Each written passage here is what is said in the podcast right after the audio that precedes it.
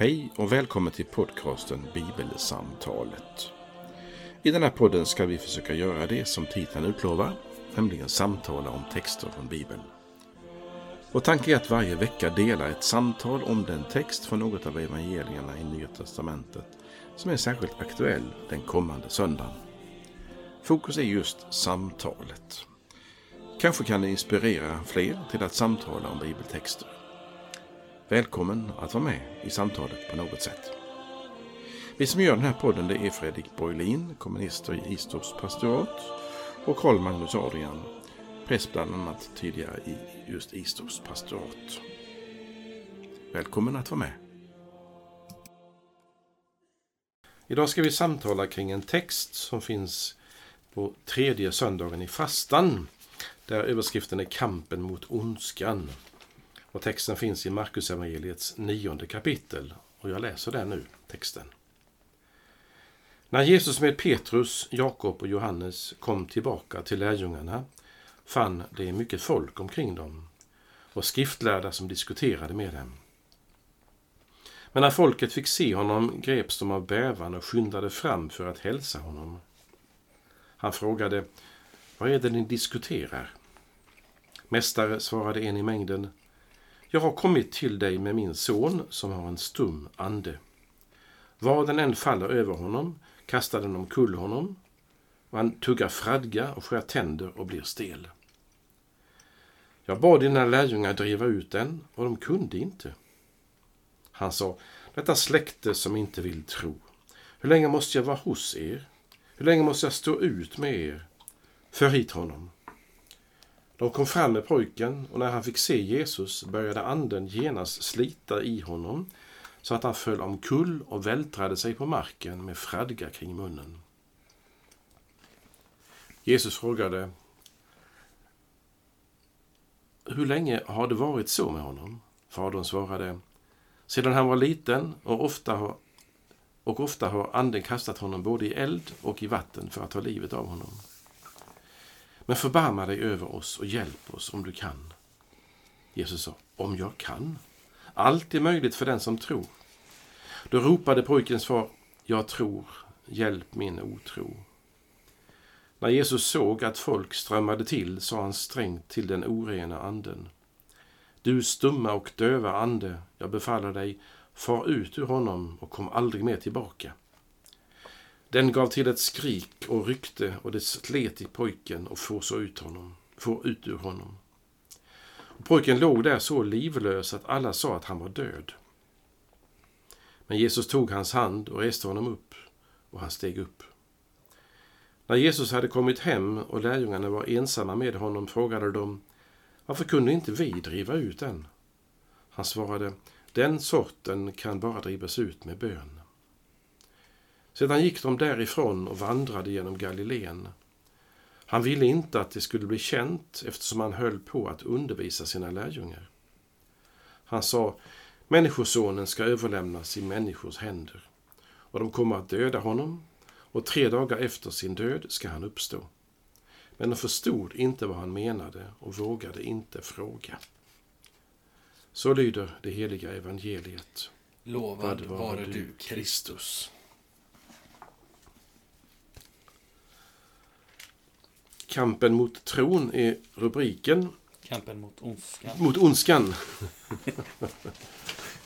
det, var, det var en verklig tavla kan man säga. När det själva poängen handlar här om tron mm. som är hjälpmedlet, hjälpen mot ondskan. Mm. Eh, kampen mot ondskan som lärjungarna står inför och inte kan hjälpa till med det som var i det här fallet akut. Mm. Jesus då svarar ger då tron som ska säga, ett verktyg, ett redskap. Mm. Och bön, inte minst, som han nämner. Och då kan vi väl fundera först lite grann allmänt innan vi går upp på texten. Eh, om detta med ondskans natur och om ondskan finns. Jag tänkte för ett tag sedan att jag träffade en person som frågade mig, tror du verkligen att det finns en ond makt? Alltså typ en djävul. Och eh, jag ska inte svara nu vad jag svarade då. Utan jag ska mer dela tanken så här att om den frågan ställs om mig själv, alltså finns det en ond makt? Hur ska jag svara på den? Mm. Finns det en ond makt, alltså en, en, någon sorts personlig ondska som agerar och som kan agera emot det gudomliga? Ja, om det inte finns en ond makt, utan ondskan är, ska vi säga, allmän, så slog det mig att naturligtvis måste det vara så att om Gud finns, så finns också en ond makt. Om Gud inte finns, som är personlig och som är en makt, eh, så kan man undra om det finns en ond makt mot den gudomliga makten. Och det tänkte jag först jag skulle bara kunna dela några ord med dig Fredrik och tänka efter för att det är, jag tycker det är lite allvarligt och det, det är ett mycket seriöst problem huruvida det onda är något sorts avsaknad av det som är gott och fint. Eller det är en ond makt. Mm. Och när man då läser i bibeltexter så blir det ju klart, speciellt i evangelierna tycker jag, om att den onde verkligen existerar och finns. Mm. Men när vi börjar från början i Bibeln så märker vi att den onde, eller det onda, gömmer sig ju så att säga bakom olika bilder, symboler, inte så konkret. Någon gång nämns det om onda andar naturligtvis. Mm. Men ta den första ondskan som möter oss så är det ju en orm, en bild på, eh, som ma- manas fram hos oss. Eller en berättelse som handlar om en trädgård med en orm som ringlar i gräset. Som är då den onde som talar genom en orm. Mm. Så märker vi också, det skulle man kunna tala om, eller tolka bort och säga, ja men det är ju bara en bild, förstår du väl? En orm, det är ju inte djävulen som är en orm. Eh, Även om så man kallar så Ja, uppenbart. så- Precis, absolut. Eh, Men jag vill inte ha- hamna där, utan jag vill inledningsvis tänka högt om, om den onde finns. Eh, Och om svaret är ja, som det är utifrån Nya Testamentet, Mm. självklart, att den onde finns, Mm. Så ger det en realism åt det vi är med om här på jorden. Mm. Och kan sedan den onde ta plats hos oss? Kan den onde påverka oss? Kan den onde bekämpas? Och vad är det som Jesus gör mot den onde och det onda? Eh, Innan vi går in på texten och funderar på sammanhanget och hur det Ja. står. eh, Vill du möta bara denna inledning? Ja, jag vill möta den inledningen, absolut. Och Eh, jag kan väl få, du, du sa så här, eh, för ett tag sedan så fick jag den här frågan och då vill jag bolla med, med det och så vill jag dela följande lite personliga sak kopplat till detta. Det är att jag kan tycka att eh, när man så att säga, för det, det är ju en, en fråga som jag tror att många har funderat på. Är ondskan en personlig makt?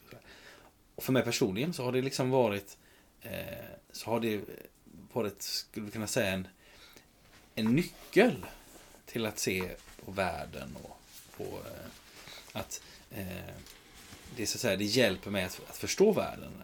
Eh, och mycket faller på plats eh, när, eh, när jag liksom medger att ja, men det finns en, den här onda makten, den personligt onda makten som Nya Testamentet talar om eh, kan jag bejaka och så att säga, eller tro att den finns.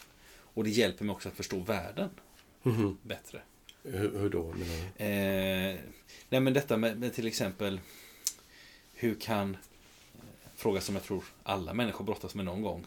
Eh, hur kan, eh, kan, vi, hur, kan det finnas en god, kärleksfull, allsmäktig Gud när världen ser ut som den gör? Mm. Och om jag så att säga räknar med en, en personlig ond makt så kommer jag att se på den frågan på lite olika sätt tror jag. Mhm. Eh, förstår du vad jag Ja, menar? kanske. Eh, Skulle man kunna tänka sig att i vårt samtal ett ögonblick tänker bort att vi har en kristen referensram, du och jag. Mm. Jag. Som vi inte, som är väldigt svårt att tänka bort. Ja. vill jag först erkänna, verkligen. Men om vi inte tänker in en kristen förståelse Mm. Utifrån som, som vi delar, du och jag. Hur vill man förklara det onda? Och, den, och det som är ont och som sker.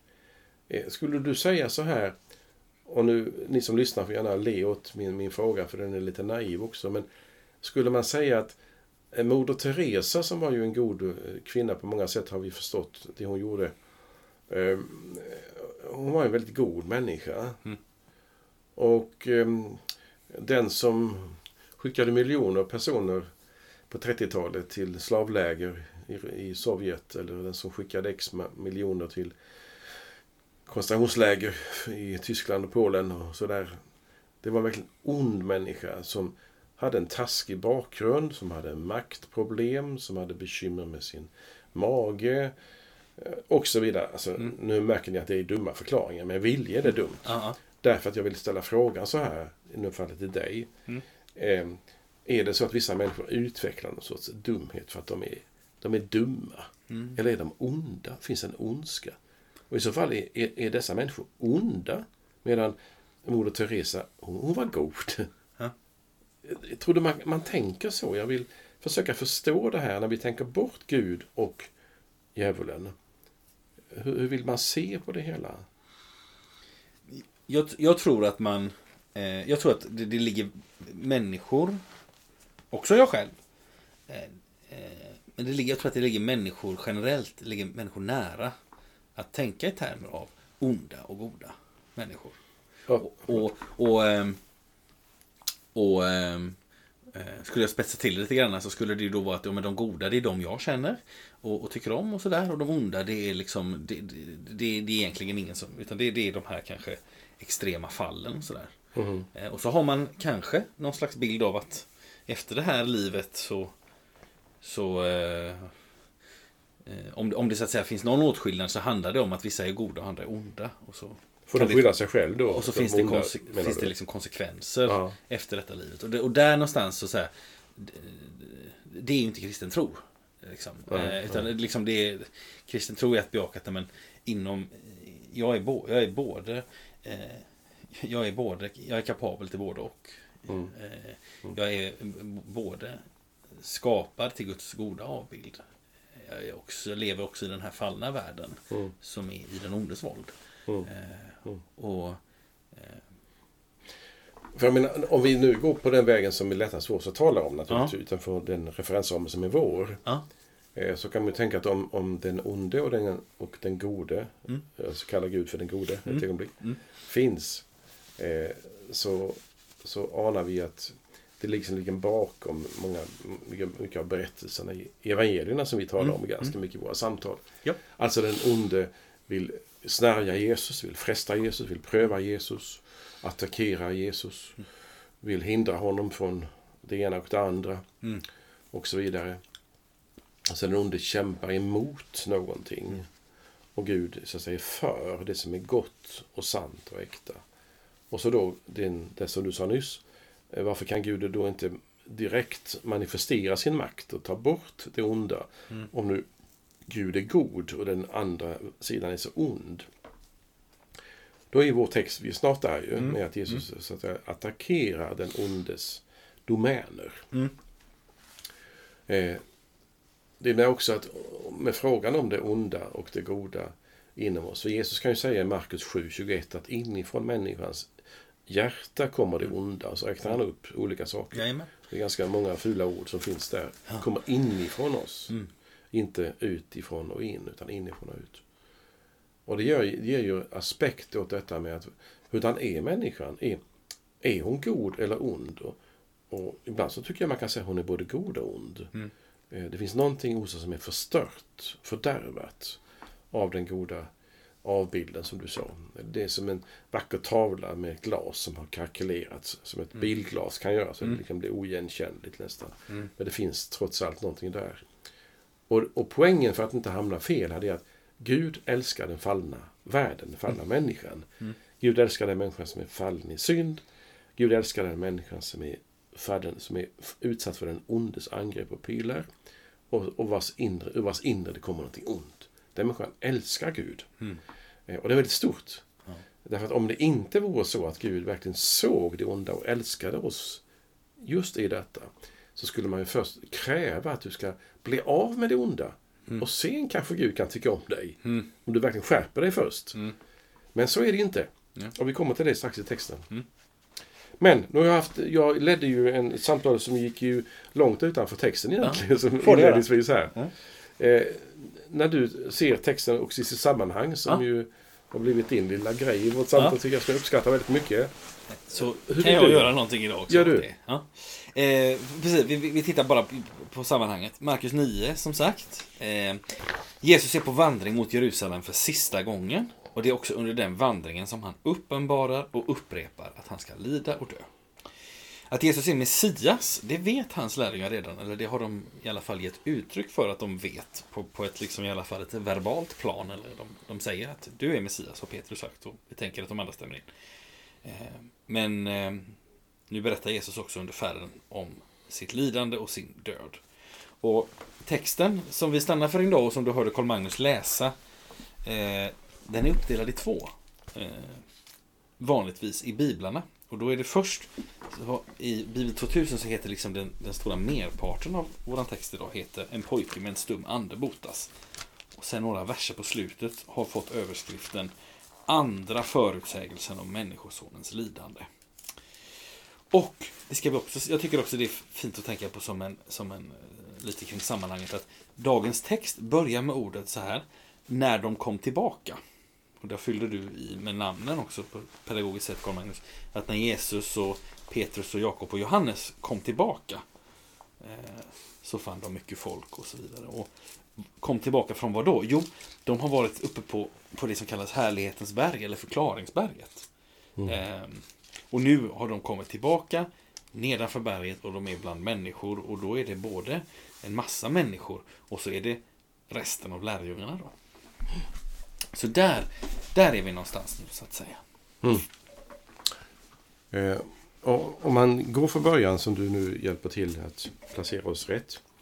Ser han på berget, Mm. varit med om härliga ting, Mm. kommer ner Mm. och de tre är med, är med honom. Och så när han kommer dit så möter han liksom en, vad ska man säga, en sönderdiskuterad grupp människor. Mm. De har pratat fram och tillbaka, babblat hit och dit, hit och dit, försöker lösa ett problem. Mm. Eh, och, och bekymret är uppenbarligen det att de begriper sig inte på det här, vad som har hänt. Nej.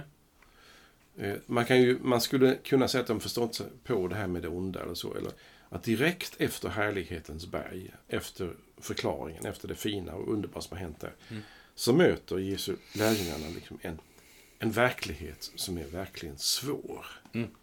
Den är svår för det gör ont och den är svår för det, det är svårt att tyda den. Mm. Och jag tycker det är en bra sammanfattning över mycket som händer i den här världen. Att för det första är det svårt. Mm. Det är ett bekymmer.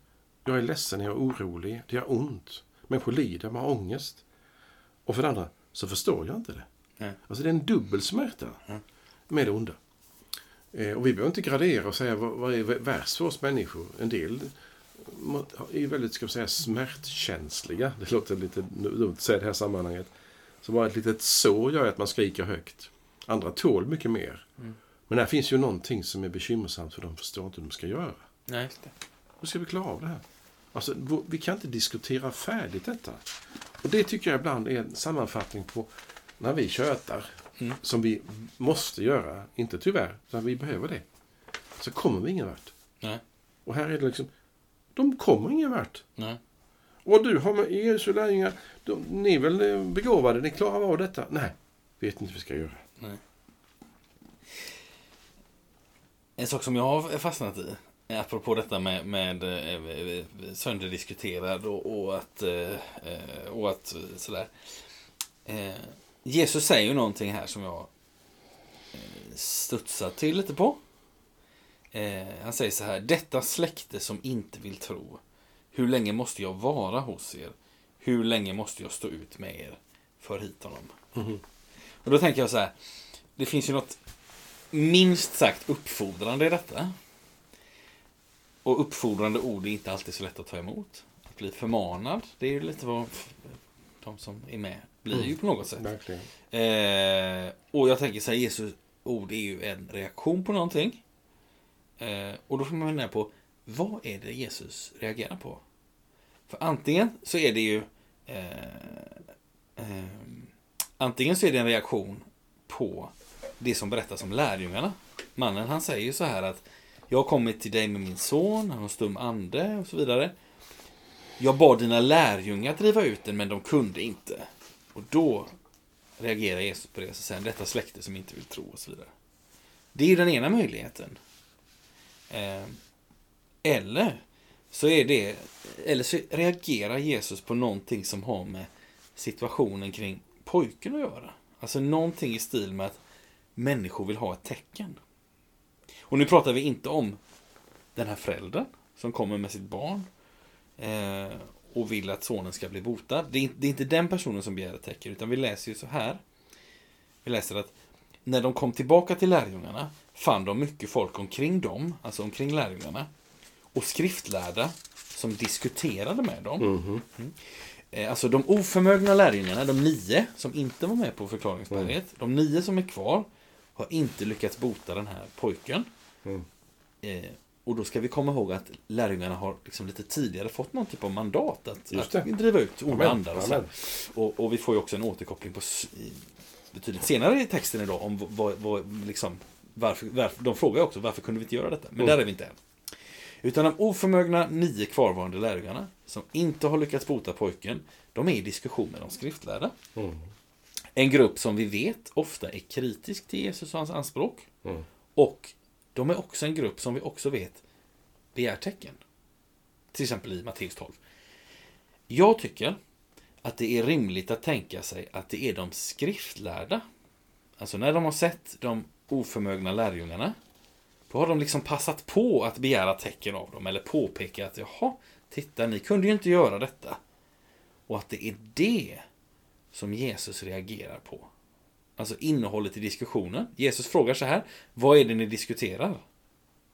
Och så svarar då mästare, säger den i mängden. Jag har kommit till dig med min son. Och de kunde inte driva ut honom. Alltså, det är så att säga, det är den där diskussionen med nu spekulerar jag lite, eller nu får jag in lite parametrar som vi inte kan läsa riktigt. Men jag, jag, jag vill ju på något sätt förstå. Vad, vad, Jesus reagerar mycket starkt här. Eh, och då är det på något sätt på något sätt så att eh, eh, i den här nöden som är här, alltså han har ju varit sjuk, barnet har varit sjuk, eller pojken har varit sjuk länge, länge, länge. Mm. Ett stort lidande. Mm. Och vi kan också ana i, när, i ordväxlingen mellan Jesus och den här föräldern att det är nöd här. Och, men då är samtidigt de där skriftlärare där och, och ska liksom vinna någon poäng. Så, så tolkar jag situationen. Men Vad kan- säger du om det? Ja, alltså, det är ju intressant utom när vi kommer till slutet. Det är intressant även när vi kommer till... Men Kör! det är så här. Eh, då säger fadern, Mm. ju som svar på Jesu fråga, vad är det som hänt? Vad är det som händer? Mm. Och står det, jag bad dina lärjungar att driva ut dem och det, det, onda, onda anden Mm. och de kunde inte. Nej. Och då svarar Jesus, detta släkte som inte vill tro, hur länge måste jag vara hos er? Mm. Alltså, jag tycker det som är för mig först självklart, sen kom du omkullkastade det, det är att Jesus tittar på sina lärjungar och de andra Mm. och säger till så att säga, alla, inte adresserat till skriftlärda lärjungar, utan till alla. Mm. Åh, sånt jobb. Alltså, detta släkte kan inte tro. Alltså, lärjungarna kan inte. De är oförmögna. Mm. Och jag tycker att det är, som det ofta är när Jesus kritiserar lärjungar, så har det för mig betytt ganska mycket av att de kan inte. Och när då, när då jag, nu läser jag det från mig ett ögonblick, gör nu det och det, så, så försöker jag det och så upptäcker jag, jag kan inte. Och då så mm, kommer det en lärjunge bakom mig, låt oss säga Simon, så säger han, Karl Magnus, jag kunde inte heller. Nej. Alltså, det finns någonting i det där Mm. jag inser att det onda är för stort för mig. Mm. Jag kan inte det. Och det är det som driver mig hela tiden till att när det onda kommer nära mig så, så handlar det om att Jesus förbarmar dig. Inte över mig, utan över den och den och dem och dem och det och Mm. det. Alltså jag kan inte. Och då är insikten om att jag inte kan, alltså insikten om att jag saknar redskap, möjlighet och tro, observera det, gör att jag drivs till Jesus. Mm. Eh, Här är inte insikten om att när jag, när jag står inför någonting så, så går jag därifrån. Så var det ju med Jesu så kallade fiender, att de ju lämnade Jesus. medan lärjungarna stannar kvar och sitter där och tittar ner i gräset ungefär. Att, Mm. Så att synd att inte vi kunde. Mm. Vi har misslyckats igen. Mm. Och då är det ungefär som Jesus säger, ja men det är inte hela världen, jag kan ju. Ja. Och så tar han ett steg fram. Just det. Så det finns någonting här i berättelsen som är så tydlig med att min, min eget miss, alltså min egen brist Mm. är inte bara, ja ja, ta dig själv i kragen nu, kom igen. Och så, utan att min egen brist gör att jag blir en, liksom, jag blir en bedjare på något vis så, i min, mitt lärjungaskap. Alltså bristen på kunskap och möjlighet, bristen på tro, bristen på insikt och frimodighet för mig någonstans. Mm. Och den menar jag för en lärjunge som vet vart man ska gå. Mm. Det är själva poängen i lärjungaskapet. Inte att jag kan, Mm. utan jag vet vart jag ska gå. Ja. Det, det är en poäng för mig. Ja. Eh, och jag, jag menar ju inte att din idé, det ska jag inte säga att den helt faller. Utan jag menar, det finns en poäng som är, är för mig en dignitet över den. Mm. Och det är att Jesus är så att säga besviken eller tillrättavisar samtliga ja, människor. Ja. Köper du det? Det köper jag absolut. Jaha. För jag, så att säga, jag, har, jag har nog innan tänkt, och jag kanske tänker om flera gånger till, det, så, så kan det vara. Men jag, har- jag har nog innan läst det här som att Jesu reaktion är bara ett svar på liksom, lärjungarnas oförmåga. Och det, så säga, det, eh, men jag tycker det blir, det blir liksom, bilden blir klarare, eller jag tycker det blir tydligare när man också liksom räknar in att nej men just det, det är faktiskt de skriftlärda och det är hela diskussionssituationen. Alltså just som du sa, alla blir tilltalade. Jag tycker att det är liksom... Mm. Eh, ja, jag, jag, får, jag får ihop den här texten mer då. Eh, skulle jag säga. Det kommer en fortsättning sen när Jesus liksom tar till orda och ber om att få veta mer, som Mm. det står. Just det. Ehm, så frågar Jesus hur länge det varit så där? Och så frågar, svarar fadern att eh, se han var liten så hände det. Och så kommer faderns slutkläm. Förbarma dig över oss och hjälp oss om du kan. Mm. Först är det ju det som vi har med i vår mässa. Kyrie eleison, Kristi eleison, Mm. Kyrie eleison. Herre förbarma dig, Kristus förbarma dig, Mm. Herre förbarma dig. Det är ju alltså det kristna ropet hela Mm. tiden som finns i hela kyrkans historia.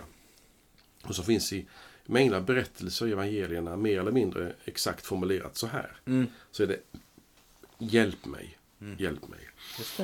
Eh, och då så kommer slutklämmen och det är det Jesus tar fasta på. Om du kan. Mm. Och om, om nu pappan tänker så här att hjälp mig. Och så ligger ju detta. Och sen kommer ju när Jesus har sagt det där. Om jag kan. Ungefär, Jaså? Du tror inte att jag kan? Då kommer nästa bekännelse från den här mannen som ju inte tror. Och ändå tror. Mm. Jag tror, hjälp min otro. Och den blandningen av de här orden på svenska, Mm. Den är ju väldigt kul att fundera på ihop med dig. Mm. Alltså jag tror och jag tror inte. Nej. Samtidigt. Medan man kunde tänka sig att man skulle tolka det som ett väldigt eh, schematiskt eller tidsorienterat stadium. Jag trodde inte, men nu tror jag. Aha, du har utvecklats, du har kommit till tro. Mm. Men den här mannen både tror och inte tror.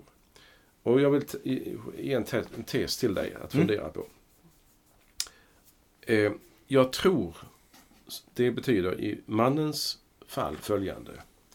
Jag vänder mig till Jesus och ber honom om hjälp. Mm. Så visar sig tron.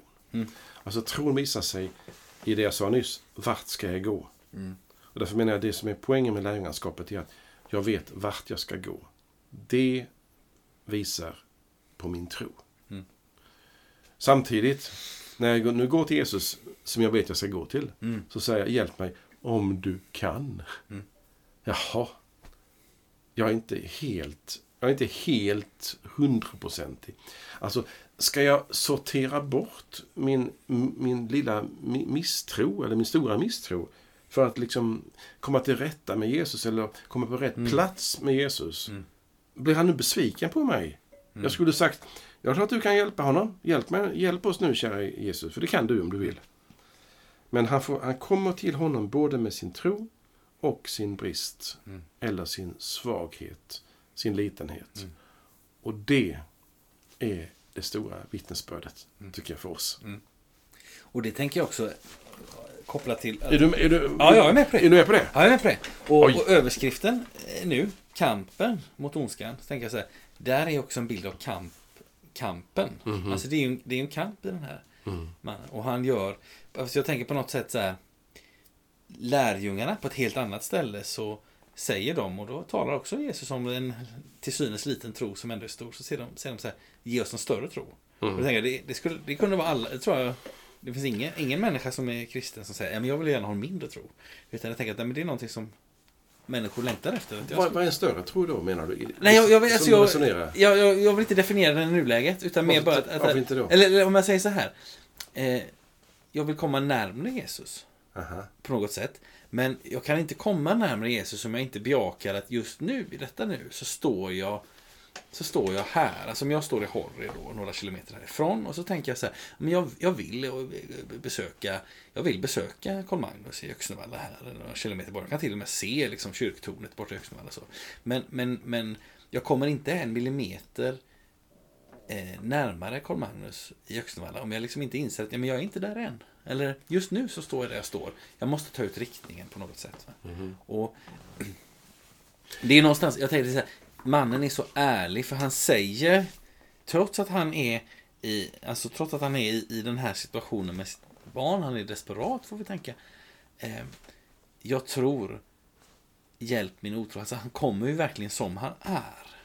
Mm. Han försöker inte, han försöker inte liksom inte, han kommer som han är, han kommer inte som han önskar att han vore. Mm. Han hade kunnat säga jag tror. Och hoppas, men, men Jesus vet att inom honom så finns det också eh, någonting annat. Och mannen kan, han kan uttrycka det. Men du, jag vill haka fast på det du säger nu. Ja. Och så vill jag backa bandet. Mm, kör på. Men om jag nu inte kommer tillbaka till det där vi är nu, så får du säga till mig. Ja, du vet ju vad du ja. sa nu. Ja. Jag, tyck, jag tror, nej jag anser, ska jag säga så här, Mm. att vi måste definiera ordet tro Mm. för att komma till rätta med det vi pratar om. Mm. Därför om tro handlar om, nu tar jag fram min psalmbok, kan ni veta om som lyssnar, så vänder jag på, på pärmens baksida och så läser jag början på Vi tror på Gud Fader allsmäktig, himmelens och jordens skapare. Vi tror på Jesus Kristus, hans enfödde son, vår Herre, och så vidare. Mm. Och så frågar du mig Fredrik, tror du på varje mening där, Karl Magnus? Mm. Och ska jag svara på det? Så säger jag, ja, jag tror på allt. Och då svarar du, du har en stor tro, Karl Magnus. Mm. Den definitionen anser jag inte är adekvat. Nej, det Men kan jag det, man kan tänka att jag skulle vilja tro på att allting är möjligt. Om Jesus kan gå på vattnet och kalla Petrus att, gå, att komma till honom och Petrus kan det och så kan han inte det. Ja. Vad då tro, storlek och styrka? Då har jag fått lite hjälp med att fundera både i den judiska kontexten på Jesus tid och en bok av Luther som jag har citerat några gånger ur. Så är det så att jag tror, det verkar som, säger jag ordet tro i en annan mening, jag, jag anser att, eller jag har förstått att tro på Jesu tid, Jesu samtid, handlar om att komma nära, att ha tillit, att ha förtröstan. Det är det starka ordet. Därför att ordet tro hänger ihop med det som är fast och visst. Ordet amen, på det som jag använder som avslutningsord ibland, handlar om det som är fast och visst. Och Gud är den som är fast. Han är trofast. Det betyder att han står för sitt löfte. Och detta Paulus går också upp i Romarbrevet, att Gud står för sin kallelse, står för sitt löfte. Mm. Alltså tilliten är det, om jag skulle välja ett ord som är synonym, om jag måste välja ett ord, Mm. så skulle det vara tillit. Mm. Snarare än försanthållande. Alltså lita på varje ord i trosbekännelsen eller någonting sånt. Mm. Då är tillitsordet det som är, ligger först på listan. Om jag måste göra det. Mm. Om tillitsordet ligger först på listan så är det också mycket tycker jag, som, som klarnar i evangelierna för mig. Mm. Eh, hur stor är din tro? Hur mycket tillit har du? Och då märker jag, jag litar ju inte på dig. Inte betydelsen att jag inte tror att du är Guds son kanske, eller så, utan jag litar inte på. Alltså det är sanningsfrågan som står, det handlar om. Är han den som är den och den? tillhör jag honom får jag vara hos honom. Och då märker jag att min, min, min brist på tro handlar om att jag tror ju inte att Gud ska rädda mig, hjälpa mig, klara av situationen och så vidare. Det är en tillit, det är en brist på tillit. Mm. Och det är så mycket i Juda, Israels historia i Gamla Testamentet som också blir klart för mig när jag låter det ordet vara den, det översta av synonyma begrepp till ordet tro. Mm. Så det är tillitsordet. Och då, om vi skulle läsa texten här utifrån den, det, det tillitsordet, Mm.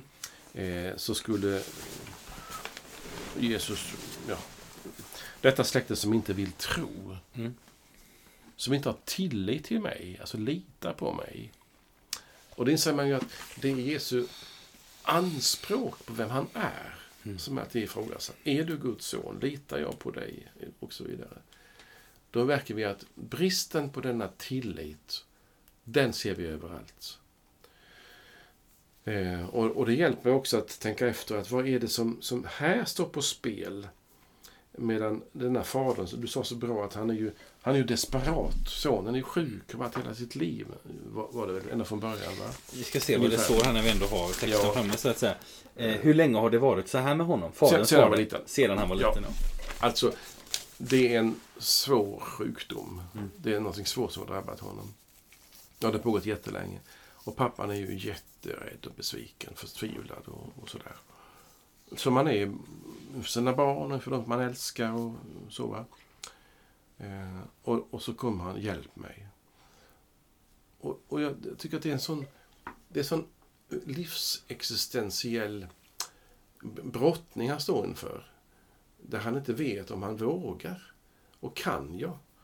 Och då, då är det ju inte frågan om eh, i betydelsen sanningsbegrepp om Jesus är Guds son, utan även om jag tror att vi är Guds son till 100 procent, så, så, så kan jag inte lita på det konkret i detta ögonblick. Mm.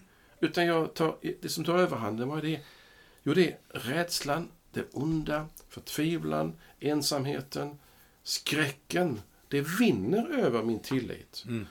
Alltså, det, ondskan förkväver tilliten på något vis. Och då är det ju häftigt att mannen, pappan, han, han, han, han ändå i någon... I den här situationen så ger han ändå uttryck för hur han verkligen känner. Just det. Alltså, det är inte bara... Eh, för, för jag tänker så här.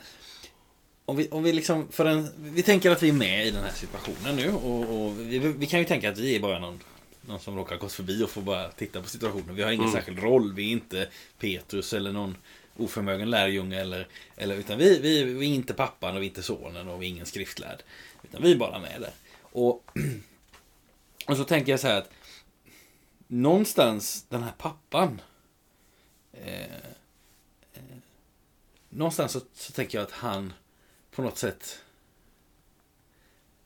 han förstår att, eller liksom så här, det skulle kunna vara liksom en, en, en, liksom en, på något sätt en lockelse för honom, eller en frestelse att, att bara liksom, bara jag uttrycker tydligt att jag tror, så, så går det nog vägen det här ungefär. Mhm. Men han, han visar att han, men han liksom på något sätt vågar visa att han, sin osäkerhet. Menar du att han, han, han tänker först att tron ska vara en sorts merit? Menar du så?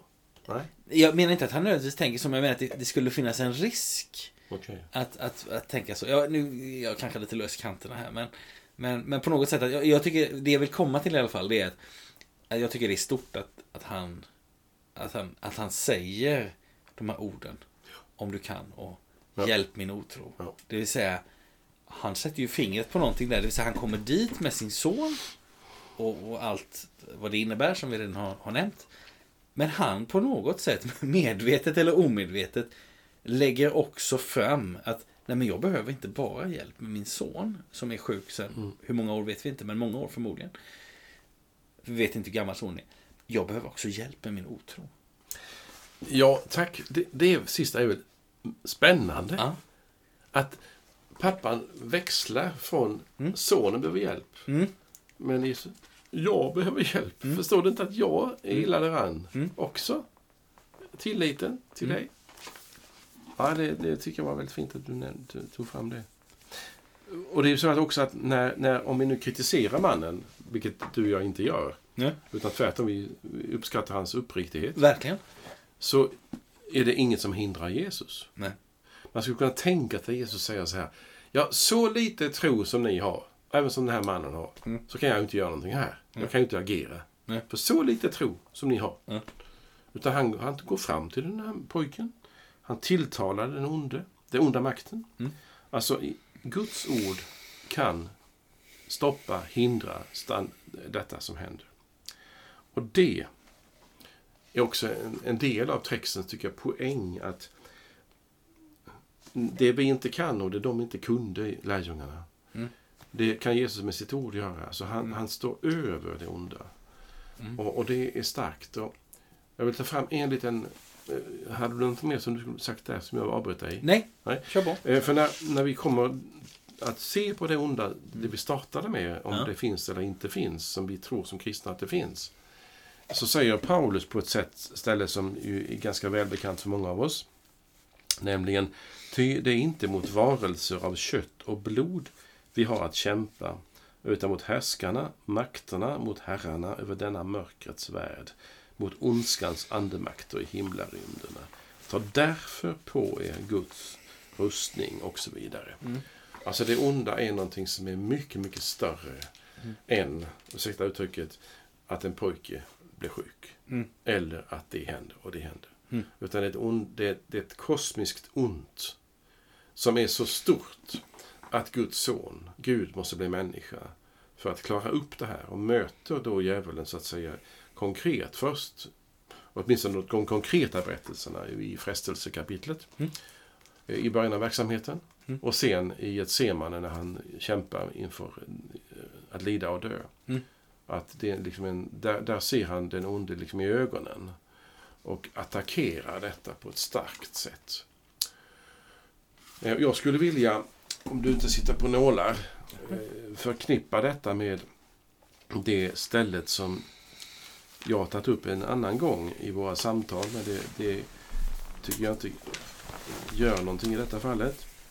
Alltså, när det handlar om den onde och det onda som är mycket, mycket mer Mm. än att, ursäkta igen, någon lider. Jag menar inte att det på något vis är ringaktat. Nej, nej.